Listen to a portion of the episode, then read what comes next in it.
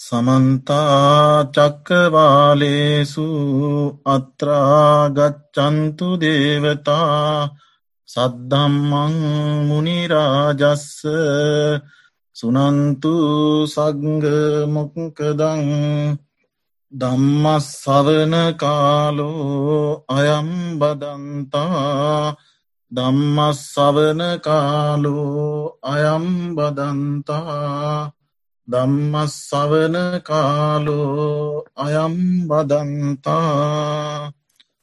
නමෝතස්ස භගවතු අරහතු සම්මා සම්බුද්ධස්ස නමෝතස්ස භගවතු අරහතු සම්මා සම්බුද්ධස්ස නමෝතස්ස භගවතු අරහතු සම්මා සම්බුද්දස්ස. දුල්ලබෝ බුද්ධපාදෝ ලෝකස්මින් දුල්ලබෝ මනුස්සත්ත පටිලාබෝ දුල්ලභාකන සම්පත්ති දුල්ලබා පබ්බජ්ජා දුල්ලබන් සද්ධම්ම සවනන් දුල්ලබෝ සප්පුරිස සංසේවෝති. ශ්‍රද්ධාවන්ත පිංහතුනි අල්දවසේ ටෙක්සාස් බෞද්ධ භාවනා මධ්‍යස්ථානයේ සෑම සෙනසුරාදාදිනයකම පවත්වන්නට යොදාගන්නට යෙදුණු ධර්ම දේශනාමී පින්කම මේ සෙනසුරාදාදිනය අද දිනේ පවත්වන්නට සූදානම් වෙන්නේ. ලෞතරා බුදුපාණන් වහන්සේ විසින් දේශනා කරන්නට යෙදුණු සූත්‍රගත ධර්ම කරුණු කිහිපයක් තමයි අදවසේ ධර්ම දේශනාවට මා මාතෘකා කරගන්නට යෙදුණි. මේ පින්වතුන් හැම දෙනාම ධර්මය පිළිබඳව දන්න ධර්මය ශ්‍රවණය කරන ධර්මය පිළිබඳව අධ්‍යයනය කරන අය හැම දෙනාම ඉන්නේ. තින් ධර්මය තියෙන වටිනාකම පිළිබඳව ධර්මය තියෙන වැදගත්කම පිළිබඳව මේ පින්වතුන් හැම දෙනාම හොදාකාරව දන්නවා. ධර්ම දේශකයාණන් වහන්සේ කෙනෙක් ධර්ම දේශනාවක් පවත්වනකොට ඒ පවත්වන්න ඕන පිළිවෙලක් ලෝතරාබුදු පියාණන් වහන්සේ විසින් පෙන්වාදිල තිබෙනවා. එවගේම ධර්මශ්‍රවණය කරන පින්වතුන් ධර්මය ශ්‍රවණය කරනකොට ඒ ධර්මය ශ්‍රවණය කර යුතු පිළිවෙලකුත් බුදුපාණන් වහන්සේ විසින් පෙන්වාදිල තිබෙනවා. සුනාත ධාරේන චරාත දම්මී අනාදී වසයෙන් ලෝතුරා බුදුපාණන් වහන්සේ ධර්මශ්‍රවණය කරනකොට අපි මොන විදියටද කොහොමද ඒ ධර්මය ශ්‍රවණය කරන්නට ඕන කියන එක පෙන්වාදිල තිබෙනවා. ධර්ම ශ්‍රවණය කරනකොට අපි මෙන්න මේ කියන කරුණු ටික පිළිබඳව අවධානයෙන් යුක්තව ධර්මශ්‍රවණය සිද්ධ කරන්නට ඕන. සුනාත ධාරේන චරාත දම්මය කියලා කියන්නට යෙදුනේ සුනාත කියල කියන්නට යෙදුනේ අපි යම්කිසි ධර්ම දේශනාවක් ශ්‍රවණය කරනකොට ඒ ශ්‍රවණය කරන ධර්ම දේශනාව හොඳින් ඇහුම්කන් දෙන්නට ඕන සුනාත කියල කියන්නට යෙදුනේ හොඳින් ඇහුම්කන් දෙන්න ඕන්ට කියන එක. එවෙලාවට අපේ හිතේ තිබෙන නොයෙකුත් සිතුවිලි යටපත් කරගෙන හොඳින් ඒ ධර්මය ශ්‍රවණය කරන්නට ඕන. එවගේම තමයි දහරේන. ඒ දේශනා කරන ධර්මය අපි ධාරණය කරගන්නට ඕන. ඒක අපි අපේ මතකයේ තබාගන්නට ඕන හිමන්නත්ම අපේ හිතට ඒක කාවද්ද ගන්නට ඕන. එවගේම තමයි චරාත දම්මි චරත් දම්මය කියල කියන්නට යෙදුනේ අපි හොඳින් මැනවින් අසාධාරණය කරගත්තුවේ ධර්මය අනුව අපේ ජීවිතය හසුරුවන්නට ඕන චරත් දම්මය කියන්ට යෙදුනේ ධර්මයට අනුව හැසිරෙන්න්නට ඕන කියන එක. අපි යම්කිසි ධර්ම දේශනාවක් ශ්‍රවණය කරලා එධාරණය කරගෙන ඒ අනුව අපේ ජීවිතයට ධර්ම දේශනාව තුළින් එධර්මය තුළින් අපේ ජීවිතයට ගන්නට පුළුවන් දේ අරගෙන ධර්මයට අනු අපේ ජීවිතය හැඩගස්වා ගන්නට ඕන. තිං එන්නේ කියන විදියට අපි ධර්ම දේශනාවක් ශ්‍රවණය කරනකොට ඔන්න කියන කරුණු පිළිබඳව අවධානයෙන් යුක්තව අවබෝධයකින් යුක්තව ධර්මශ්‍රවණය සිද්ධ කරන්නට ඕන. මේ පිංවතුන් දන්නවා ධර්මයහි තිබෙන වැදගත්කම පිළිබඳව. ධර්මය මොන තරම් අපේ ජීවිතවලට වටින දෙයක්ද කියන එක ලොත්‍රා බුදුපාණන් වහන්සේ නොෙක් අවස්ථාවලදී පෙන්වාදිල තිබෙනවා. ධර්ම දේශකයාණන් වහන්සේ කෙනෙක් ධර්ම දේශනාවක් කරනකොට ඒ ධර්මයහි ඇති වැදගත්කම පිළිබඳව ධර්ම ශ්‍රවණය කරන පින්වතුන්ගේ පැහැදීම පිණිස ධර්ම දේශනාවන් ශ්‍රවණය කිරීමේ වැදගත්කම පිළිබඳව යම් අවබෝධයක් ලබා දීම ධර්ම දේශකයන් වහන්සේගේ යුතුයකමක් වෙනවා. ඉතින් මේ පින්වතුන් හොඳ ආකාරවම දන්නවා ලෝතර බුදු පියාණන් වහන්සේ දේශනා කරලා තියෙනවා සබ්බ දානං ධම්ම දානං ජිනාති යනාදී වශයෙන් සියලු දානයන් අතර ධර්ම දානය උතුම්ම පින්කම කියලා. ඒ ධර්ම ශ්‍රවණයේ ආනිසංස පිළිබඳව මේ පින්වතුන් කොතෙකුත් අහලා තියෙනවා ඇති. මේ අවස්ථාවේදී මා බලාපොරොත්තු වෙනවා ධර්ම ශ්‍රවණයේ ආනිසංස පිළිබඳ දැක්වෙන කෙටි කතා පුවතක් මේ පින්වතුන්ට දේශනා කරන්නට. මේක රසවාහිනිය කියන ග්‍රන්ථයේ ලංකාද්වීප කතා කියන කොටසට අයිති කතාවක්. මේක ලංකාව තුළ සිදුවෙච්ච රසවාහිනි කියන පොතේ තිබෙන කෙටි කතාවක්. ති මේක සඳහන් වෙනවා රෝහණ ජනපදයේ උද්දෝලක කියන විහාරයක් තියෙනවා. ඉතාමත් රමණීය සිත්කල වූ විහාරස්ථානයක්. ති මේ විහාරස්ථානයේ සෑම මසකටම වතාවක් ධර්ම දේශනාමය පින්කමක් පවත්වනවා. ඉතින් මේ උද්දෝලක කියන විහාරයේ ඒ සෑම මසකට වතාවක්ම පවත්වනු ලබනේ ධර්ම දේශනාව පවත්වන දිනේදී ඒ උද්දෝලක විහාරයට ආසන්නව ඉතා රමණීය වූ වන läහැබක් තියෙනවා. ඉතින් මේක ඊටාම විශාල රමණීය බොහෝ සතුන් සිව්පාවුන්ගෙන් ගැවසිච්ච වනයක්. ඉතින් මේ විහාරස්ථානයට නුදුරු ගමෙහි එක්තරා වැඩි පවුලක් ජීවත් වෙනවා.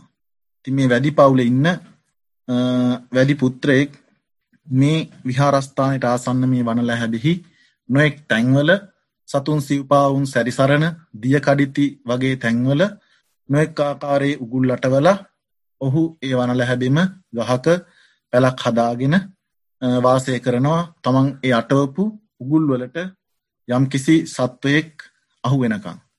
ඉතින් මේ මාසිකට වතාවක් උද්දෝලක විහාරයේ ඒ පවත්වන ධර්ම දේශනා දිනේදී දිනේදිත් මේ වැඩි පුත්‍රයා සතෙක් සිව්පාවෙක් අල්ලගන්නට බලාගෙන වනයට වෙලා ඉන්නවා.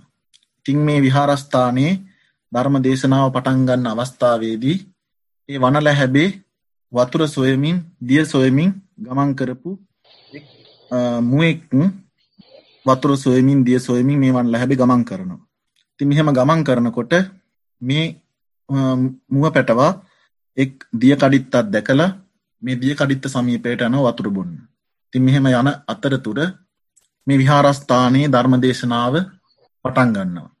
තිගේ ධර්ම දේශනාව පටන් ගන්නවා සමගම මේ මුව පැටවා මේ දිය කඩිත්තර සමීප වෙනවා සමගම ඔහු මුව පැටවා ඔසවාගත්ත ඉදිරි පාදය තබන්නටත් මත්තෙන් මේ මුව පැටවාට මේ ධර්ම දේශනාව ඇහෙනවා. තිං ඇහෙනකොට ඒ මිහිරි කටහඬට ඒ ධර්ම දේශනාවේ සබ්දයට මෙමුව පැටියාගේ සවන් යොමු වෙනවා. ඉතිං ඒවස්ථාවදිමි මුව පැටවා ඒ ඔසවාගත්ත පාදය ඒ විදිටම තබාගෙන අර ඇසුණු මිහිරි නාදයට ඒ ධර්ම හඬට සවන්දීගෙන එහෙම්ම ඉන්නවා.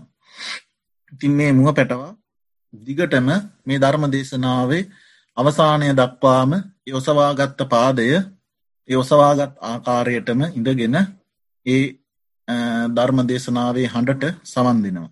තිං ධර්ම දේශනාව ඉවරුණාට පස්සේ මිමුව පැටවා තමන් ආපු කාර්යට ඒ විදිිය කඩිත්තට ලංවෙන්නට එවසවා ගත්ත පාදය බිමින් තබනවා. බිම තබනවත් සමගම ඒ බිම අටවල තිබුණු උගුලට මේ මුව පැටවාගේ පාදය හසු වෙලා අවස්ථාවේදී එමුව පැටවා ඒ අටවපු උගුලට අහු වෙලා කෑ ගහනකොට අර උගුල අටවපු වැඩි පුත්‍රයා මේ මුවාව තමන්ගේ ගොදුරක් බවට පත් කරගන්නවා. ඉතින් ඒ මුව පැටවා ඒ අවස්ථාවේදී ඒ ශ්‍රවණය කරපු ධර්මය එමන් නැත්නම් ඔහු ඒ දහම් හඬට සවන්දීපු පිනෙන් එමුව පැටවා මරණින් පස්සේ දිවිලෝකයේ උපත්තිය ලබල තියෙනවා කියලා සඳහන් වෙනවා. ඉතින් කතා පුවතෙන් සඳහන් වෙන වෙන්නේ තිරිසංගත සතෙකු වනත් ඒ සතා ඒ ධර්ම ශ්‍රවණයට ඇලුම් කරපු නිසා ඒ දහම් හඬට සවන් දීපු නිසා ඉන් ලැබිච්ච ආනිසංස හැටියට මරණින් මතු සුගතිගාමී වුණා. ඉතින් මේ එක් කතාපුවතක් විතරයි මෙවැනි ඕන තරම් කතාපුවත් මේ ධර්මානිසංස පිළිබඳව සඳහන් කතාපුවත් ඕන තරම් තියෙනවා.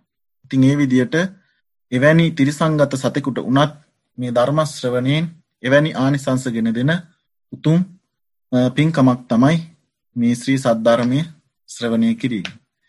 ඉතින් මං මාතෘකා වශයෙන් යොදා ගන්නට යෙදුනේ මෙලොව පවතින දුර්ලභ වූ කරුණු. මෙලොවතුරා බුදු පියාණන් වහන්සේ විසින් නොයෙක් අවස්ථාවන් වලදී නොයෙක් සූත්‍රවලදී දේශනා කරන්නට යෙදුණු කරුණු සූත්‍රවල අයත් කරුණුවල තිබෙන දුර්ලභ කරුණු කිහිපයක්. දුල්ලබෝ බුද්ධුපාදෝ ලෝකස්මින් දුල්ලබෝ මනුස්සත්ත පටිලාබෝ දුල්ලබා කන සම්පත්ති දුල්ලබා පබ්බජ්ජා දුල්ලබන් සද්ධම්ම සවනං දුල්ලබෝ සප්පුරිස සංසේව යනාදී වශයෙන් කරුණු හයක් මෙලෝකයේ පවතින දුර්ලභ වූ කරුණු හයක් දුපියාණන් වහන්සේ විසින් දේශනා කරලා තිබෙනවා. මෙහි පළමු කරුණ තමයි දුල්ලබෝ බුද්ධුපාදෝ ලෝකස්මින්. ඒ කියන්නේ බුද්ධෝත්පාද කාලයක් ලොව පැවතීම ලොව පහළවීම ඉතාමත් දුර්ලභ කරුණක්.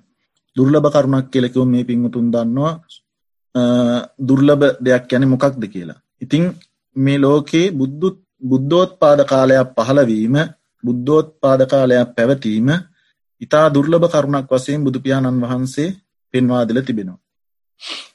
මේකට අපිට උදාහරණයක් හැටියට ගන්න පුළුවන් ලෞතර බුදු පියාණන් වහන්සේ දාන පාරමිතාව පූර්ණය කරන ආත්ම භාවයක එක්තරා සිටුවරයෙක් වෙලා උප්පත්තිය ලබනවා බෝධිසත්ව ආත්මයක. ඉතින් ඒ උප්පත්තිය ලැබපු ආත්ම භාවයේ ලොව පැවතුනේ බුද්ධෝත්පාද කාලයක් නෙවෙයි. අබුද්ධෝත්පාද කාලයක්. ඉතින් ඒ අබුද්ධෝත්පාද කාලයක තමයි බෝසතාණන් වහන්සේ සිටුවරයෙක් හැටියට උප්පත්තිය ලබන්නට යෙදුනේ. එහෙම උප්පත්තිය ලබලා මේ සිටුවරයා බොහෝ ධනය ඇති යසයිසුරු භවභෝග සැප සම්පත් ඇති සිටුවරයෙක් හැටියට උප්පත්තිය ලබලා තමන්ගේ ඒ තිබෙන ධනය භවභෝග යසයිසුරු ආදිය උපයෝගී කරගෙන කල්පනා කරනවා මම මේ දේවල් තුලින් මිනිස්සුන්ට දාන දෙන්නට ඕන කියලා. එහෙම කල්පනා කරලා මේ සිටුවරයා තමන්ගේ සියලු ධනය මිල මුදල් භවභෝග සම්පත්තාදිය ප්‍රයෝජනයට අරගෙන යොදුන් ගානක් දිගට ලිබ් බැඳගෙන යොදුන් ගානක් දිග දන්සලක් පැවැත්තුවා. මේ දන්සල එක දවසක් තිබුණු දන්සලක් නෙවෙයි. මේක මාස ගණනාවක් පුරාවටම තුන් මාසයක් පුරාවටම පවත්වපු දන්සලක්. ඉතින් මේ දන්සලට නොයෙක් නොයෙක් ප්‍රදේශවලින් පැමිණෙන මිනිසුන් මේ දන්සලෙන් ආහාර පාන ආදිය ලබා ගන්නට යෙදුණා. නොයෙක් ස්ථානවලට ගමන් කරන මගීන් ඒ වගේම නොයෙක් ප්‍රදේශවලට ගමන් කරන මගීන් වෙළඳාම් කටයුතු වල යනෙන අය මේ ආදී බොහෝ පිරිසක් මාස 3ක් පුරාවට පවත්තු මේ දන්සලෙන් ආහාර පාන ලබාගෙන යන්නට යෙදුණා. ඉතින් මේ දන්සල අවසානයේදී බෝසතාණන් වහන්සේ මෙන්න මේ විදියට ක්‍රියාවක් කරනවා. මොකද්ද කරන්නේ? ඔහු කල්පනා කරනවා බෝසතාණන් වහන්සේ මං ඉතාමත් ඕනෑකමින් මාස තුනක් පුරාවට යොදුන් ගානක් දිගට ලිබ් බැඳගෙන මහා දන්සලක් පවත්වන්නට යෙදුණා. මේ දන්සලට සීලාදී ගුණයෙන් යුක්ත එකඳු හෝ පුද්ගලයෙක් පැමිණියා නම් කියලා කල්පනා කරලා පැන් කෙන්ඩියකට වතුර පුරවගෙන මම මේ පවත්වපු දන්සලට එකඳු සීලාදී ගුණධර්මයන්ගෙන් යුක්ත පුද්ගලයෙක් පැමිණියා නම් මේ පැන් බිමට වැටෙන්නට එපා කියලා ප්‍රාර්ථනා කරලා පැන් කෙන්ඩියෙන් පැන්වක් කරනවා. ඉතින් ඒ පැන් කෙන්ඩියෙන් බිමට පැන් වැටෙනවා. ඒකෙන් අදහස් වෙන්නේ මාස තුනක් පුරාවට යොදුන් ගානක් දිගට ලිබ්බැඳගෙන ඒ පවත්වපු මහා දන්සලට පැමිණි අය අතරේ එකඳු හෝ සීලාදී ගුණධර්මයක් පුරන එකදු හෝ සීලාදී ගුණධර්මයක් තිබෙන කිසිදු පුද්ගලයෙක් පැමිණියේ නැහැ කියන එක තමයි ඒකෙන් අවබෝධ වෙන්නේ. ඉතින් ඊළඟට නැවතත් පැන් කෙන්ඩියට පැන් පුරවගෙන නැවතත් ප්‍රාර්ථනා කරනවා මේ දන්සල පවත්වන්නට යෙදුනේ මා විසින් මාගේ මිල මුදල් යසේසුරු බවභෝග සැප සම්පත් ආදිය යොදාගෙන මට පරිහරණය කරන්නට තිබිච්චේ සියලු සැප සම්පත් මිල මුදල් මං යොදවලා මාස තුනක් පුරාවට මේ දන්සල පවත්වන්නට යෙදුණා මාගේ තුල යම්කිසි සීලාදී ගුණධර්මයක් තිබෙනවා නම් මේ පැන්බිමට වැටෙන්නට එපා කියලා ආර්ථනා කරලා පැන්කෙන්ඩියෙන් පැන්වක් කරනවා. ඉතින් ඒ අවස්ථාවේදී ඒ බෝසතාණන් වහන්සේගේ තිබුණු සීලාදී ගුණධර්මවල බලයෙන් ඒ පැන් බිමට වැටුනේ නැහැ. ඉතින් ඒ විදියට බෝසතාණන් වහන්සේ සාරා සංකේය කල්ප ලක්ෂයක් මුළුල්ලේ පාරමී ධර්ම පූර්ණය කරන්නට යෙදුණා. ඉතින් බෝසතාණන් වහන්සේටත් ඒ පාරමී ධර්ම පූර්ණය කරනකොට එවැනි අබුද්ධෝත්පාද කාල ඕන තරම් පැමිණෙනට යෙදුණා. ඉතින් එවැනි අබුද්ධෝත්පාද කාලවල කිසිදු සීලාදී ගුණධර්මයක් තිබෙන පුද්ගලයෝ ලොව පව ඉන්නේ නැහැ. ඉතින් ඒ විදියට මේ ලෝකයේ වැඩිපුර පවතින්නේ එවැනි අබුද්ධෝත්පාද කාලයන්. එවැනි අබුද්ධෝත්පාද නොමැති මෙවැනි බුද්ධෝත්පාද කාලයක් ලොව පහළවීම ඉතාමත් දුර්ලභ කරුණක් වශයෙන් තමයි බුදු පියාණන් වහන්සේ විසින් පෙන්වා දෙනට යෙදුනේ. ඉතින් එවැනි බුද්ධෝත්පාද කාලයක තමයි අපිට දාන සීලාදී බණ භාවනාදී කටයුතු කරගන්නට පුළුවන් වෙන්නේ. එනිසා මෙවැනි බුද්ධෝත්පාද කාලයක් ලෝ පහළ වීම ඊටාම දුර්ලභ කරුණක්. ඊළඟ කරුණ තමයි දුර්ලභෝ manussත්ත්ව ප්‍රතිලාභෝ. ඒ කියන්නේ manussාත්ම භාවයක් ලැබීමත් මෙලොව පවතින තවත් එක් දුර්ලභ කරුණක්. දුර්ලභෝ manussත්ත්ව ප්‍රතිලාභෝ. එතකොට ඒක අපි බැලුවොත් කොහොමද කියලා මේ ලෝකේ සිටින සියලුම ජීවීන් ගත්තොත් අපිට ගන්නට පුළුවන් මිනිස්සු ඒවගේම තිරිසන් සතුන් අපිට පේන තිරිසන් සතුන් ඒවගේම අපිට නොපෙනෙන අපේ ඇසට නොපෙනෙන සත්වයන් අපට ඇසට නොපෙනෙන සත්වයන් ගත්තම නරක ප්‍රේත අසුර ඒවගේම දිව්‍ය බ්‍රහ්ම කියන මේ ඔක්කොම පිරිස් අයත් වෙනවා. එතකොට අපි කල්පනා කරලා බලන්නට ඕන මේ ලෝකේ ඉන්න ජීවීන් කොහොමද කියලා. මනුස්ස ලෝකේ අපිට දැක ගන්නට පුළුවන් මේ ලෝකේ ඉන්න මිනිස්සුયો. ඒ වගේම තිරිසන් ලෝකේ ඉන්න තිරිසන් සතුන් අපිට දැක් ගන්නට පුළුවන්. ඒ වගේම අපිට ශුද්‍ර සතුන් කියන්නේ අපේ ඇසට නොපෙනෙන යම් උපකරණයක් මගින් දකින් අන්වීක්ෂයක් මගින් දකින්නට පුළුවන් සතුන් මේ ලෝකේ ඉන්නවා. එතකොට එවැනි ශුද්‍ර ජීවීන් මොනතරම් මේ ලෝකේ ඉන්නෝද කියලා අපිට හිතා ගන්නටවත් බෑ. ඒ වගේම තමයි මේ මහ පොළවේ එක පස් පිඩල්ලක් අපි අරගෙන එක පරීක්ෂා කරොත් ඒ එක පස් පිඩල්ලේ මොනතරම්නම් සතුන් පිරිසක් අපේ ඇසට නොපෙනෙන පෙනෙන සතුන් පිරිසක් ඉන්නෝද කියලා අපිට දැක් ගන්නට පුළුවන්.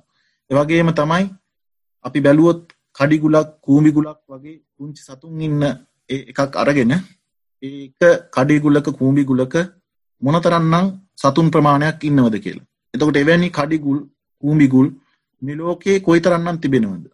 ඒ විදිහට. ඒ වගේම තමයි මහා සාගරය ගත්තට පස්සේ මහා සාගරේ මොනතරම්නම් ජීවීන් පිරිසක් ඉන්නවද කියලා අපිට හිතා ගන්නට පුළුවන් කමක් නැහැ. මේ වෙනකොට තාම හොයාගත්තු නැති ජීවීනුත් මහා සාගරේ ඉන්නවා. ඉතින් මේ මහා සාගරේ ඒ සතර මහා සාගරයේ ඉන්න ජීවීන් මෙච්චරයි මෙපමණකයි කියලා අපිට හිතන්නටවත් පුළුවන් කමක් නැහැ. එතකොට ප්‍රේත ලෝකය, අසුර ලෝකය, නිරය ගත්තම ඒ වගේ ඉන්න ජීවීන් කොපමණද කියලා අපිට හිතන්නට පුළුවන් කමක් නැහැ. දකින්නට පුළුවන් කමකුත් නැහැ. අපිට දකින්නට පුළුවන්කම තිබෙන්නේ මේ මනුස්ස ලෝකේ, තිරිසන් ලෝකේ පමණයි. එතකොට මේ പ്രേත අසුර කුම්බාණ්ඩ අපාය කියන මේ ලෝකවල ඉන්න සතුන් මේ මනුස්ස ලෝකේ ඉන්න සතුන්ට වඩා මිනිසුන්ට වඩා තිරිසන් සතුන්ට වඩා බොහෝ අධිකයි.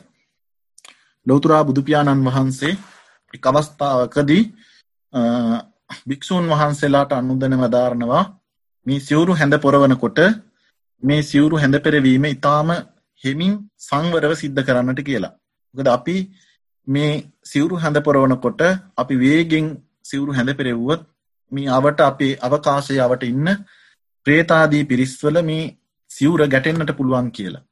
එතකොට අපි කල්පනා කරන්නට ඕන මේ අවකාශේ අපට නොපෙන්නාට මේ අවකාශයේ ඒ තරමටම ප්‍රේතාදී අසුරාදී කොටස් ජීවත් වෙනවා. ඒකයි බුදුපියාණන් වහන්සේ අපිට සිවුරු හැඳ පොරවනකොට ඒ ඉතාමත් සෙමින් සංවරව සිද්ධ කරන්නට කියලා කියන්නට යෙදුනේ. මොකද ඒ සිවුර හැඳ පොරවනකොට ඒක අපි වේගෙන් සිද්ධ කරොත් ඒ අවට ඉන්න ප්‍රේතාදී කොටස්වල ඒ සතුන්ගේ මේ චීවරය සිවුර ගෑවෙන නිසා. ඉතින් ඒ විදියට ඒ තරම් මේ අවකාශය පුරා ප්‍රේතාදී කොටස් ජීවත් වෙනවා කියලා අපිට ඒකෙන් හිතා ගන්නට පුළුවන්. ඒ වගේම තමයි අසුර ලෝකේ ඒ වගේම සදිව්‍ය ලෝකවල බ්‍රහ්ම ලෝකවල ඕනෑ තරම් ඒ දිව්‍ය පිරිස් බ්‍රහ්ම පිරිස් අසුර පිරිස් ජීවත් වෙනවා. ඉතින් එතකොට මේ මනුස්ස ලෝකයේ තුල මනුස්සයන් හැටියට ජීවත් වෙන්නේ බොහෝම අල්ප පිරිසක්. ඉතින් එවැනි මනුස්සාත්ම භාවයක් ලබා ගැනීම ඉතාම දුර්ලභ කරුණක් හැටියට බුදු පියාණන් වහන්සේ පෙන්වා දෙන්නට යෙදුණා. ඉතින් මේක තවදුරටත් බුදු පියාණන් වහන්සේගේ උදාහරණයකින් අපිට ගන්නට පුළුවන් එක් අවස්ථාවක ලෞතර බුදු පියාණන් වහන්සේ භික්ෂූන් වහන්සේලාගෙන් විමසනවා ඇවැත්නි මේ ලෝකේ මනුස්සාත්ම භාවයක් ලබන එකද දුර්ලභ? එහෙමත් නැත්නම් කන කැස්බෑවෙක් විය සිදුරෙන් අහස දකින එකද දුර්ලභ කියලා. එතකොට ඒක තවදුරටත් විස්තර කරනවා. අවුරුදු සියයකට පමණක් වතාවක් පමණක් දියෙන් උඩට එන කන පැස් බෑවෙක්ගේ ඇසට කන කැස් බෑවෙක්කුම එක හැක් පමණක් පේන කැන කැස් බෑවෙක්. තිං එවැනි කැස් බෑවෙක්ගේ ඇසට වියගහට සිදුරක් පැමිණීම ද දුර්ලබ නැත්නම් මනුස්සාත්ම භාවයක් ලැබීමද දුර්ලභ කියලා. දකට බුදුපාණන් වහන්සේ පැහැදිලි කරනවා මේ ගමක තිබෙන නියංගමක තිබෙන ගුණුන්ගේ පිටේ බඳින වියගහ මුණයම් හෝ ක්‍රමයකින් ඒ විය ගහ ඉවත දමලා ඉවත දාපු වියගහ මොනයම් හෝ ක්‍රමයකින් ගංගාවකට ඇලකට දොලකට පැමිණිලා ඒ ගංගාව ඇල දොල දිගේ පැමිණෙන්න්නට ඕන මුහුදට සාගරයට. ඉතින් එහෙම පැමිණෙනකොට මේ වියගහ කැඩෙන්න්නට බිඳෙන්න්නට පුළුවන්. එහමනත්නම් ගල්පරවල හැපිලා නවතින්නට පුළුවන්. තින් ඒ සියල්ලගෙන් බේරිලා ඒ සියල්ලගෙන් මැඩගෙන මේ විය ගහ මුහුදට පැමිණෙන්ට ඕන සාගරයට පැමිණෙන්ට ඕන. ති සාගරයට පැමිණුණාට පස්සේ සාගරය කියන්නේ නිරන්තරයෙන් සෙලවෙන ස්ථානයක්. දකුණු දිසෙන් හමන සුළඟට තුරු දෙසටත් උතුරු දෙසින් හමන සුළඟට දකුණු දෙසටත් මේ විදිට සතර දෙසින් හමන සුළඟට සතරාත්තට විහිදෙන සාගරයේ තිබෙන වියගහ වසර සියයකට පමණක් සාගරයේ මතු පිටට පැමිණෙන එක් ඇසක් පමණක් පෙනෙන කැස්බෑවෙකුගේ ඒ පෙනෙන ඇසට අරවිය ගහේ සිදුර පැමිණීම හිතන්නට වෙන්න පුළුවන් කියලා හිතන්නට අමාරු දෙයක්. ඉතින් ඒක බුදුපාණන් වහන්සේ පවසනවා ඒක වෙන්නට පුළුවන් එක වෙන්න පුළුවන් දෙයක්. නමුත් ඊටත් වඩා අපහසු දෙයක් තමයි මනුස්සාත්ම භාවයක් ලැබීම ඊටත් වඩා දුර්ලබ දෙයක් තමයි මනුස්සාත්ම භාවයක් ලැබීම අර කනකැස් බෑවෙකුගේ වියසිදුරට කනකැස් බෑවෙකු වියගහේ සිදුරට ඔහුගේ ඇස පැමිණීමට වඩා මනුස්සාත්ම භාවයක් ලැබීම දුර්ලබයි විය නොහැකි කියල බුදුපයන් වහන්සේ පෙන්වාදිල තිබෙනවා. විදියට ඉතාමත් දුර්ලබ වූ දෙයක් තමයි මනුස්සාත්ම භාවයක් ලැබීම. ඒ මොකද මේ මනුස්සාත්ම භාවය තුළ තමයි අපිට මේ පින් දහම් සිද්ධ කරගන්නට මේ ධර්මශ්‍රවණය කරන්නට ධර්මයෙහි හැසිරෙන්න්නට පුළුවන්කම ලැබෙන්නේ. වෙන කිසිදු ආත්ම භාවයක මේ ධර්මය හැසිරෙන්න්නට පින්දහම් සිද්ධ කරන්නට පුළුවන් කමක් නෑ. දෙවියොත් අපි දෙන පින් අනුමෝදන් වෙලා තමයි දෙවියන් පින් රැස් කරගන්න. දෙවියන්ට පින්දහම් සිද්ධ කරගන්නට පුළුවන් කමක් නෑ. එක අවස්ථාවක මනුස්සලෝක ඉඳලා පින්දහම් කරලා දිව්‍යලෝකෙට ගිහිපු දෙවි කෙනෙක් නැවත මනුස්සලෝකයට ඇවිල්ලා විහාරස්ථානයක සුද්ධ පවිත්‍රාදිය කරමින් පින් කරගන්න ඌමනාවෙන් හැසිරෙනකොට ඒක දැකපු භික්‍ෂූන් වහන්සේ නම ඒ භික්‍ෂූන් වහන්සේගේ ඥානයට හසුවෙනවා මේ ඇවිත් මේ වැඩ කරන්නේ මේ කටයුතු කරන්නේ මනුස්සෙක් නෙවෙයි දෙවි කෙනෙක් කියලා.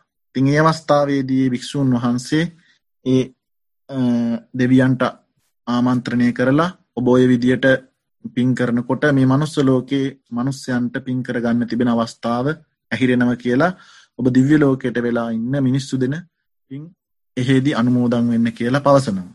ඉතින් අන්නේ විදියට දෙවියන්ටත් පින් රැස් කරගන්න පුළුවන් මේ මනුස්ස ලෝකයේ මනුස්සයන් විසින් පින් සිද්ධ කරලා ඒ අනුමෝදන් කරන පින් තුලින්. ඉතින් ඒ විදියට අපිට පින් දහම් කුසල් දහම් රැස් කරගන්නට පුළුවන් එකම ස්ථානය මේ මනුස්ස ආත්ම භාවය. ඒකයි මේ මනුස්සාත්ම භාවය ඒ තරම් දුර්ලභ දෙයක් හැටියට බුදුපියාණන් වහන්සේ විසින් පෙන්වා දෙන්නට යෙදුනේ. ඊළඟට දුල්ලබෝ බුද්ධුපාදෝ ලෝකස්මින් දුල්ලබෝ මනුස්සත්ත පටිලාබෝ දුල්ලබා කන සම්පත්ති. කන සම්පත්තිය කියල කියන්නේ ෂණ සම්පත්තිය.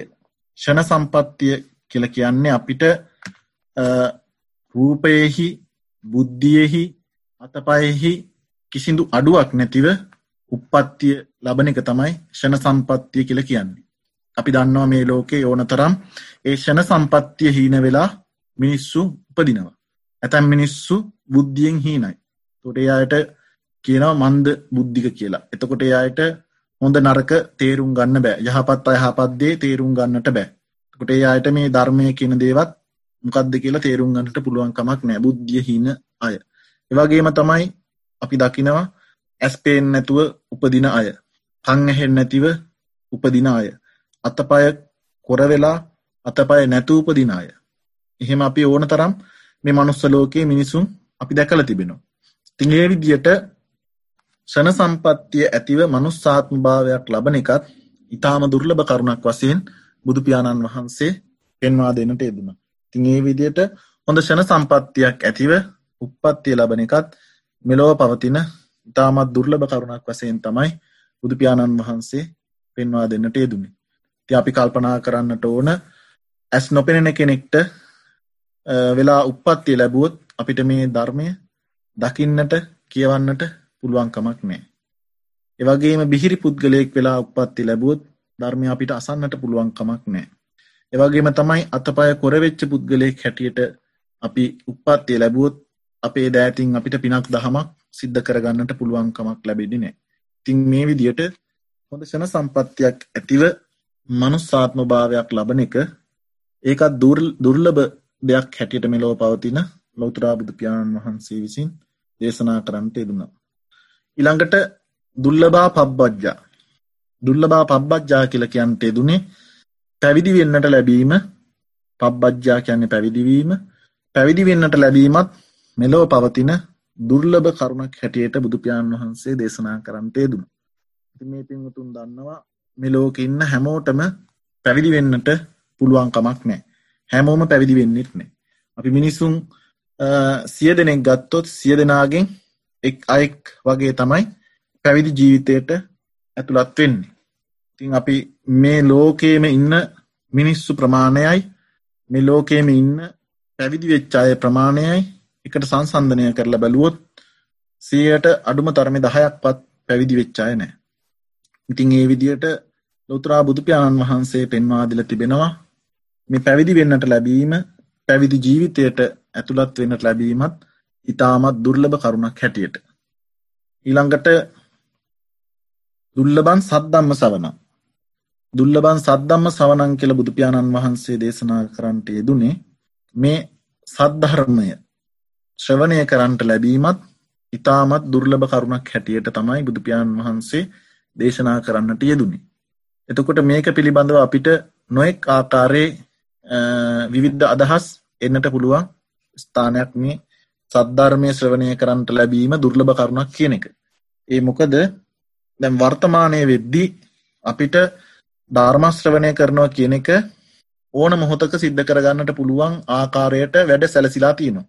දැන් අද අපි මේ අවස්ථාවවෙදිත් මේ පින්වතුන්ට විහාරස්ථානයට ඇවිල්ලා ධර්ම ශ්‍රවණය කරන්නට බැරි වුණත් මේ අන්තර්ජාලය උපයෝගී කරගෙන මේ පින්වතුන් ධර්මය ශ්‍රවණය කරන. එනතත් මේ පින්වතුන්ගේ දුරකථනයක් අරගෙන මේ පින්වතුන්ට අන්තර්ජාලය හරහා අන්තර්ජාලයේ ඕන තරම් ධර්ම දේශනාවන් තියෙනවා ඒවා ශ්‍රවණය කරන්නට පුළුවන්කම තිබෙනවා. ඒවගේම රූපවාහිනි මාධ්‍ය මගින් ගුවන් විදුලි මාධ්‍යයන් මගින් ධර්මශ්‍රවණය කරන්න පුළුවන්කම තිබෙනවා. ඒවගේම CDDVD මේවා මගිනුත් ඒ ධර්ම දේශනා අඩංගු සංයුක්ත තැටි තියෙනවා ඒවගෙනුත් උපයෝගීතාවෙන් ධර්මශ්‍රවනය සිද්ධ කරන්නට පුළුවන්. එහෙම කෙනෙක්ට හිතන්නට පුළුවන් එතකොට ධර්මශ්‍රවනය කරනවා කියන එක දුර්ලභ කරුණක් වෙන්නේ නෑ කියලා. නමුත් ලෝතුරා බුදුපාණන් වහන්සේ පෙන්වාදිල්ල තිබෙන මේ සී සද්ධර්මය අසන්නට ලැබීමත් දුර්ලභ කරුණක් කියලා. ඒක අපි හිතන්නට ඕන කල්පනා කරන්නට ඕන. මේ ලෝකයේ ඉන්න හැම අනුස්සෙක්ම අපි ගත්තොත් මේ ලෝකයේ මිනිස්සු ඔක්කෝම ඉන්න සීයක් කියල ගත්තොත් ඒ සීයෙන් අවම වසයෙන් එක්කෙනෙක් වගේ තමයි ධර්මශ්‍රවනය කරන්න. එම නැත්නම් මේ බණ දහම් අහන්නේ. තකොට අපි දන්නවා බෞද්ධ රටවල් වල බෞද්ධයෝ තමයි ධර්මය හොයන්නේ ධර්මය ශ්‍රවණය කරන්නේ. එතකොට ඒ බෞද්ධ රටවල් වල බෞද්ධය වෙච්ච හැමෝම ධර්මය ශ්‍රවණය කරන්නේ නෑ අපි දන්නවා දැන් අපි ධර්ම දේශනාවක් පැවැත්වුවත් අපි යම් කිසි දැනුන්දීමක් කරලා මේ අහවල් දවසේ අහවල් වෙලාවට ධර්ම දේශනාවක් පවත්වනව කියලා අපි කියනවා. තිංගේ දැනුන්දීම අනුව ඒ ධර්ම දේශනාවට ධර්මය ශ්‍රවණය කරන්නට සහභාගී වෙන්නේ කියෙන් කී දෙනාද? එතකොට ඒ අනු අපි කල්පනා කරන්නට ඕන. මේ ධර්මශ්‍රවනය කරන්නට මොනතරම් පහසුකන් තිබුණත් මොනතරම් ධර්ම දේශකයන් වහන්සේලා ධර්මය දේශනා කරත් මොනතරම් පොතපතෙහි ධර්මය තිබුණත් ඒ ධර්මය ශ්‍රවණය කරන්නට ලැබෙන එක හිතෙන එක තා දුර්ලභ කරුණක්. තින් එහෙම හැමෝටම ධර්මශ්‍රවනය කරන්නට ඕන කියලා හිතෙන්නේ නෑ හැමෝම බෞද්ධයෝ උුණු නිසා හැමෝම ධර්මය ශ්‍රවනය කරන්නේ නෑ ඉතින් ඒ විදියට ඒ කරුණ අපි කල්පනා කරන්නට ඕන. තින් ඒ විදියට බැලුවොත් මේ අවස්ථාවදි වුණත් මේ විහාරස්ථානයට සහ සම්බන්ධ වෙලා කටයුතු කරන මොනතරන්නම් පිරිසක් ඉන්නවද? ඒ පිරිසෙන් කීයෙන් කී දෙනාද ධර්මශ්‍රවනයට නැඹුරු වෙලා ඉන්න. ඔය විදියට අපි ඒ කරුණ පිළිබඳව කල්පනා කරන්නට ඕන. මේ වර්තමානයේ තාක්ෂණික දියුණුව තිබුණට ඒ තුළින් අපි හිතන්නට හොඳනෑ මේ ධර්මය ශ්‍රවණය කරන එක දුර්ලභ කරුණක් නෙවෙයි කියලා. තිලෝතුරා බුදුපාණන් වහන්සේ මේ ධර්මශ්‍රවනය කරන්නට ලැබීම දුර්ලභ කරුණක් හැටියට දේශනා කරන්නට යෙදුනේ ඒකයි. මේ ගැන කෙටි කතාවත් තියනවා. මේ පින්වුතුන් අහලා තියෙන ඇති. දහම් සොඩ රජතුමාගේ කතාව. දහම් සොඩ රජතුමා කොහොමද ධර්මශ්‍රවනය කරේ කියලා මේ පින්වතුන් දන්න තින් දහම් සොඩ රත්තුමා රටක් රාජ්‍යයක් පාලනය කරපු බොහෝ සැප සම්පත් යසයිසුරු තිබිච්ච රජ කෙනෙක්. ති මේ රජතුමාට ඕන වෙනවා මේ ධර්මය කියන්නේ මොකක්ද කියලා දැනගන්න. තියක මේ ධර්මය අහන්න දැනගන්න කිසිදු කෙනෙක් හොයා ගන්නට බැරි වෙන දහන්සොන් රත්තුමාට තින් දහම්සොන රත්තුමා කල්පනා කර මට මේ ධර්මය පිළිබඳව දැනගන්නට පුළුවන් කමක් නෑ නිසා මම වනගත වෙලා වනේදි හෝ මට තාපසේ ක්‍රිෂිවරයෙක්ගෙන් හරි ධර්මය පිළිබඳව දැනගන්නට පුළුවන්කම ලැබේවි කියලා කල්පනා කරලා තමන්ගේ රජකමත් අතහැරලා වනයට යනවා ධර්මශ්‍රවනය කරන්නට තියෙන කැමැත්ත නිසා. ඌමනාව උනන්දුව නිසා. තින් දහම් සොන්රන්තුමා මෙහෙම ධර්මය අසන්නට කැමැත්තෙන් උනන්දුවෙන් මේ වනගතන සිද්ධිය සක්‍ර දේවේන්ද්‍රයා දකින තින් සක්දෙව්තුමන් මේක දැකලා මොහු මේ දහන්සොන් රත්තුමාට මෙච්චර මේ රටස් රාජ්‍යයක් අතඇරලා සැප සම්පත් යසයිසුරු අතහැරලා මේ ධර්මය හොයන්නට තරම් මෙච්චර උනන්දුවත්තින් මේක පරීක්ෂාවට ලක් කරන්නට ඕන කියලා කල්පනා කරලා රාක්ෂයගේ වේසේ අරගෙන වනයට ඇතුළු වෙනවා. තින් වනයේදී දහන්සොන් රත්තුමා මෙහිම ධර්මය හොයාගෙන වනේ සැරිසරණකොට මේ රාක්ෂවේසයෙන් ඉන්න සක් දෙවතුමන් මුණ ගැහෙනු. එතකොට මේ රාක්ෂවේසයෙන් ඉන්න සක් දෙවතුමන් කියනවා මම තමයි මේ වනයට අරක් ගත්ත රාක්ෂයා මේ වනේදී මුණ ගැහෙන ඕනම කෙනෙක් මට ආහාරයට ගන්න පුළුවන්. නමුත් ඔබ කුමක් නිසා මේ වනේ සැරිසන්නවාද කියලා මට දැනගන්නට ඕන කියලා කිව්වම එතකොට මේ දහන් සොන්රත්තුමා කියනවා මං මේ වනයට ඇතුළුනේ මේ වනේ සැරිසරන්නේ මේ වනේ ඉන්න තාපසයකුව රිෂිවරය කමුවෙලා ඔහුගෙන් ධර්මය අසන්නට ධර්මය දැනගන්නට කියල පවසනවා. ති එතකොට මේ රාක්ෂවේශයෙන් ඉන්න දහන්සොන් සක්දෙව්තුමන් කියනවා මම එකම එක දහම් පදයක් දන්නවා මට ඕන්නන් ඔබට එක කියන්න පුළුවන් කිය ඉතින් මේ දහන්සොන් රන්තුම ඉතාමත් සතුට පත්වෙනවා එකඳු හෝ දහම් පදයක් දන්න රාක්ෂය කරිකමන්නේ මට හම්බුණා මට ධර්මය අහන්නට වාසනා උදාවනා කියල සතුට්ට පත්වෙලා ඔබ ඒ දන්න එක දහම් පදය හරි කමන්නේ මට පවසන්න කියලා ආයාචනා කරන ඉතින් ඒ වෙලා වෙදි මේ රාක්ෂවේසයෙන් ඉන්න සක්දයුතුමන් කියනවා. ඒක එහෙම කියන්නට පුළුවන් කමක් නෑ ඔබ මගේ ආහාරයක් වෙනවාත් සමගම තමයි මට එය කියන්නට අවසර තියෙන්නේ කියලා පවසනවා. තින් එතකොට දහන්සුන් රත්තුමා විමසනවා හරි මම ඒකට කැමති ඒවෙන්ෙන් මම මොකක්ද කරන්නට ඕන කියලා. තකොට පෙන්නනවා ගල් තලාවක් පෙන්නල කියනවා ඔබාර ගල්තලා උඩට ගිහිල්ලා මගේ කටට පනින්නට ඕන. එතකොට මම ඔබ ආහාරයට ගන්නවා. ඒ සමගම තමයි මට ඔබට මේ දහම් පදය කියන්නට පුළුවන්කම තිබෙන්නේ කියලා පවසනවා. එතකොට මේ බොහෝ කෙටි කාලයක් තුළ තප්පර ගානක් වගේ කාලයක් තුළ තමයි මේ දහන් සොන්රන්තුමාට මේ කෙටි දහම් ධර්මය අහන්නට ලැබින්නේ. ඒත් කමන්නෑ කියලා කල්පනා කරලා මගේ ජීවිතය ගියත් කමන්නේ මම මේ දහම් පදය කොහොමහරි දැනගන්නවා කියලා මේ ධර්ම අහන්නට දැනගන්නට තියෙන උමනාව නිසා දහන්සුන් රත්තුමා කීපාකාරයට ගල්තලාවක් උඩට ගිහිල්ලා ඒ රාක්ෂවේසිංහ සක්දයුතුමන් කියපු විදියට ගල්තලා උඩින්ද මේ රාක්ෂයාගේ කටට පනිනවා. තිං එහෙම පනිනකොටම ඒ රාක්ෂවේසිං ඉඳපු සක් දෙවතුමන් තමන්ගේ දිව්‍යානු භාවයෙන් දහන්සුන් රත්තුමාත් රැගෙන තමන්ගේ සක්‍ර විමානයට රැගෙන යනවා. රැගෙන ගිහිල්ලා ඒ රාක්ෂවේසයෙන් ඉඳපු සක් දෙවතුමන් කියනවා මම තමයි මේ දෙදවුලෝට අධිපති සක්‍ර දේවේන්ද්‍රය. මම දැක්ක ඔබ තමන්ගේ රජකමත් ඇතහැරලා ධර්මය දැනගන්න ඌමනාවෙන් වනගත වෙච්ච සිද්ධිය. තින් මට ඌමනා වුණා ඔබට ධර්මය අසන්නට මොනතරන්නම් කැමැත්තත් තිබෙනවාද උනන්දුවත් තිබෙනවාද කියලා පරීක්ෂා කරන්න.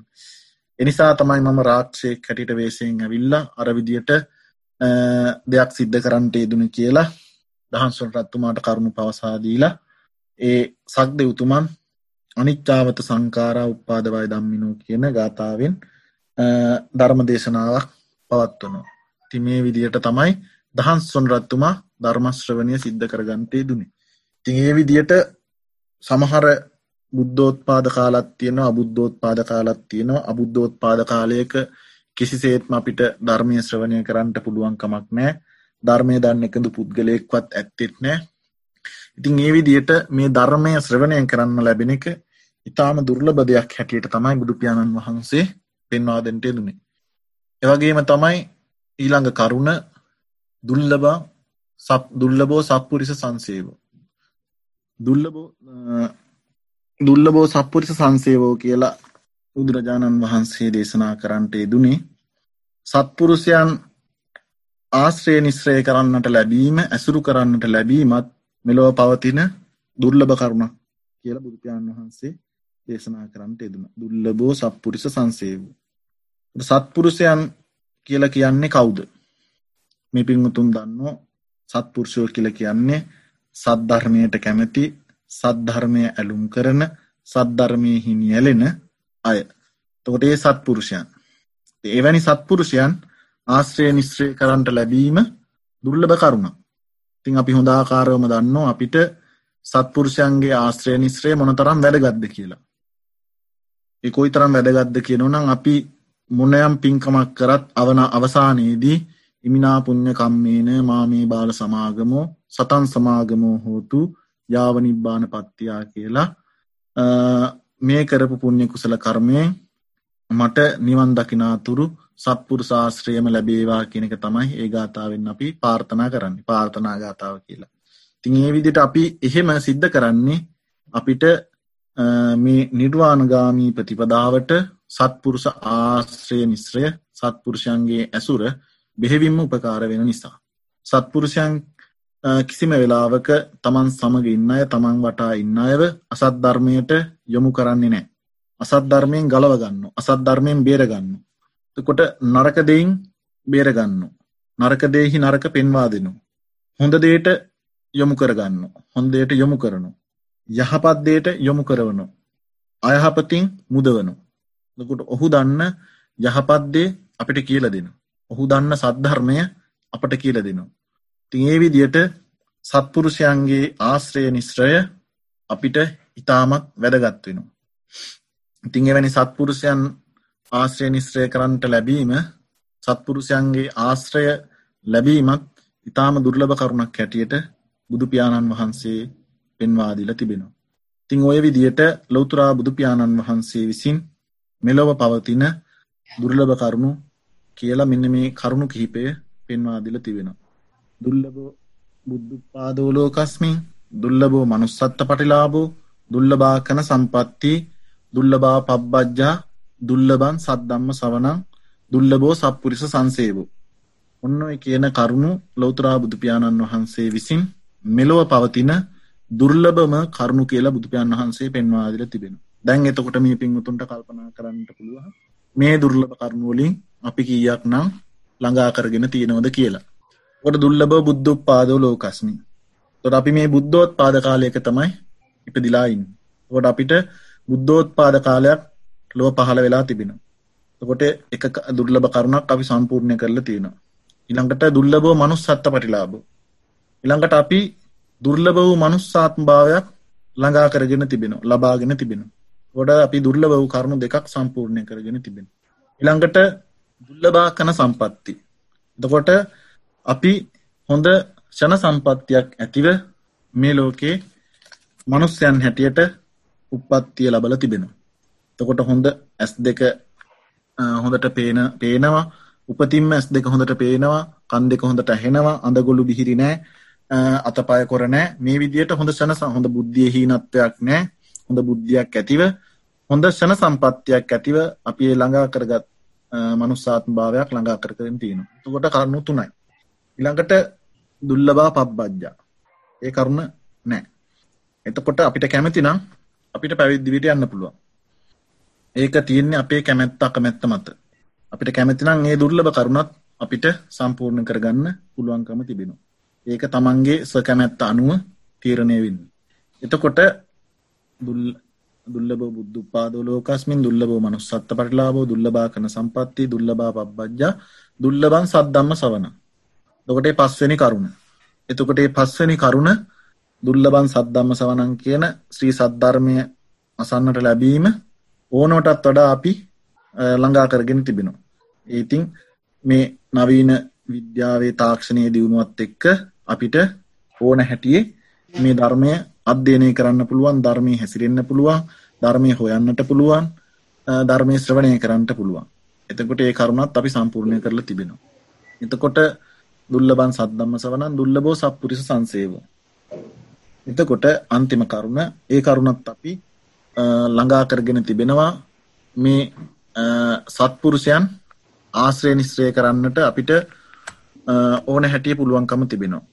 සත්පුරුෂයන් කියල අපි එතකොට තේරුම් ගන්න ඕන සත්පුරුෂයන් කවුද අසත්පුරුෂයන් කවුද කියන එක. එතකොට අපි සත්පුරුෂයන් සත්පුරුෂයන් තෝරා බේරාගෙන අපිට සත්පුරුෂයන් ආශ්‍රය නිශ්චය කරන්නට පුළුවන්කම තිබෙනවා. තින් ඒ විදියට එලෝතුරා බුදුපාණන් වහන්සේ විසින් දේශනා කරන්නට යෙදුණු මෙලව පවතින දුර්ලභ කරුණු හයෙන් පහක්ම මේ පින්වතුන් ළඟා කරගෙන තිබෙනවා. මේ පින්වතුන්ගේ කැමැත් අනුව කෙනෙක්ට ඕන්නම් පුළුවන් ඊළඟ කරුණත් ඒ පැවිදි දිවියට දුර්ලබෝ පබ්බජ්ජා ඒකත් සම්පූර්ණ කරගන්න පුළුවන්කම තිබෙනවා. ති මේ විදියට මේ ලෝකයේ පවතින දුර්ලභම කරුණු අපි සම්පූර්ණ කරගෙන තිබෙනවා. තින් අපි කල්පනා කරන්නට ඕන මෙවැනි දුර්ලභ කරුණු අපි සම්පූර්ණ කරගෙන තියෙනවා තින් මේවා ලෝකයේ තිබෙන දුර්ලභ කරුණු ඉතාමත් දුර්ලභ කරුණු තින් මේවා බුද්ධෝත්පාද කාලයක් කියන්නේ දුර්ලභ දෙයක්. මනුස්සාත්ම භාවයක් කියන්නේ දුර්ලභ දෙයක්. හොඳ ෂණ සම්පත්තියක් ඇතු උපත්ති ලබනවා කියන්නේ දුර්ලභ දෙයක්. වගේ මේ සද්ධර්මය ශ්‍රවණය කරන්න ලැබෙනවා කියන්නේ දුර්ලභ දෙයක්.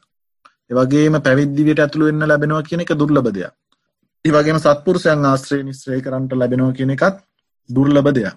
ඉතින් මෙවැනි දුර්ලභ කරුණු ගණනාව සියල්ලම ළඟා කරගෙන ඉන්න අපි නිරන්තරයෙන් කටයුතු කරන්නට ඕන ධර්මයහි අප්‍රමාදීව හැසිරෙන්න. ඒ මොකද මේ දුර්ලභ කරුණලොව පවතිනවට වඩා දුර්ලභ නොවන කරුණු තමයි ලොව පවතින්නේ. එතකොට බුද්ධෝත් පාද කාලවලට වඩා අබුද්ධෝත් පාද කාල තමයි ලොව පවතින්නේ. එවගේම තමයි මනුස්සාත්ම භාවයකට වඩා වෙනයම් ආත්ම භාව වලට යන එක තමයි ලොව බොහෝ බහුලව සිද්ධ වෙන්න ති මනුස්සාත්ම භාවයක් ලැබෙන එක අර කණ කැස් බෑවා වියසි දුරින් අහස දකිනෝ වගේ වැඩ තින්ගේ ලබු මනුස්සාත්ම භාවත් කිසිදු විශ්වාසයක් නෑ අපි දැම්මයින් අපි හෙට මොනවේදක අපි කාටක් කියන්න පුළුවන්කමක් නෑ අපි දැන් දන්න මේ දවස්වල මේ වෛරස්ස එකන් නිසා මිනිස්සු මොනතරං දවසට මැරණවද ලෝකෙ පුරාම. තිගේ විදිට ලබු මනුස්සාත්ම භාවයක් ඉතාමත් අවිනිශ්චිත ආත්ම භාවයක් මරණය කියන එක අපි කරා කොයි මොහොත්තේ කොයි ආකාරයට අපි කරා පැමිණි විද කියලා කියන්න පුළුවන්කමක් නෑ එතකොට මේ අපි ලබ්ම මනුස්සාත්ම භාවයක් එවැනි අවිනිශ්චිත වූ මනුස්සාත්ම භාවයක්. ඉතිගේ නිසා අපි කල්පනා කරන්නට ඕන ධර්මයහි අප්‍රමාදීව කටයුතු කරන්න. තිං එවැනි මේ දුර්ලභ කරුණු මෙලොව පවතින දුර්ලභ කරුණු සියල්ලක්ම පාහේ අපි ලබාගෙන තිබෙනවා. ඉතින් ඒ ලබාගෙන තිබෙන දුර්ලභ කරුණු ප්‍රයෝජනයට අරගෙන නිර්වාණගාමී ප්‍රතිපදාව නියලිලා මේ නිවන් ගමන කෙටි කර ගන්නට අපි උත්සාහවන්ත වෙන්නට ඕන. ඉතින් ඔය විදියට මේ පින්වතුන් ඒ දහම් කරුණු පිළිබඳව කල්පනා කරලා ධර්මයෙහි අප්‍රමාදීව කටයුතු කරන්නට අධිෂ්ඨාන කරගන්නට ඕන. දැම් මේ අවස්ථාවේදී මේ පින්වතුන් හැම දෙනාම මෙතෙක් වේලාවක් ටෙක්සාස් බෞද්ධ භාවනා මධ්‍යස්ථානයේ සෑම සෙනසුරාදා දිනයකම සිද්ධ කරන්නට කටයුත් යොදාගන්නට යෙදුණු ඒ ධර්ම දේශනාව මැනවින් ශ්‍රවණය කරන්නට යෙදුණ. හැම දෙනාම මෙතෙක් වේලාවක් ධර්මශ්‍රවනය නියලිලා ධර්මශ්‍රවනය සිද්ධ කරලා භාවනාදී කුසල අරමුණක් යෙදිලා ධර්මශ්‍රවනය කරලා බොහෝ පින් දහම් කුසල් දහම් එක් රැස් කරගන්නටේ දුනා අපි එක් රැස් කරගන්නට යෙදුණු සියලු පින් කුසල් අපේ මියගේ ඥාතීන්ට අපින් අනුමෝදන් කරමු. අපේ මියගේ ඥාතීන් දුක් ඇතිස්ථාන් ලින්නවනන් දුකින් මහවාතමි දේවා සැප ඇතිස්ථාන් ලින්නවන සැපවඩා වර්ධනය කර ගනිත්වා ජීවිත කෙලවර බුදුන් දැක නිවන් දකින්නට අපේ මියගේ ඥාතින්ට මේ පින් කුසල් හේතුවේවා වාසනාවේ වෑන පාර්ථනාවෙන් යුක්තව මියගේ ඥාතින්ට පින් අනුමෝදන් කරමු. ඉදම්මේ ඥාති නං හෝතු සුකිතා හොන්තු ඥාතයෝ. ඉදම්මේ ඥාති නං හෝතු සුකිතා හොන්තු ඥාතයෝ. ඉදම්මේ ඥාති නං හෝතු සුකිතා හොන්තු ඥාතයෝ. ඒවගේම ශාසනයට ලෝකඇත් අපිව ආරක්ෂා කරන සියලූම දෙවියන්ටත් අපි මේ පින්කුසල් අනුමෝදන් කරමු. දෙවියෝ මේ පින්කුසල් අනුමෝදන් දෙවියන්ගේ දිව්‍යසේ සුරු වර්ධනය කරගනිත්වා.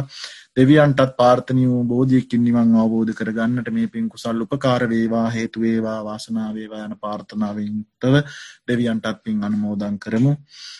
ආකාසට්ටා චුම්මට්ටා දේවානාගා මහිද්దికා පුඤ්ඤන්තං අනුමෝදිත්වා තිරන් රැක්කන්තු ලෝක සාසනං. ආකාසට්ටා චුම්මට්ටා දේවානාගා මහිද්దికා පුඤ්ඤන්තං අනුමෝදිත්වා තිරන් රැක්කන්තු දේශනං. ආකාසට්ටාච බුම්මට්ටා දේවානාගාම හිද්දිිකා පුඤ්ඥන්තං අනුමෝදිත්වා චිරන්රක්කම්තු මම් පරන්ති.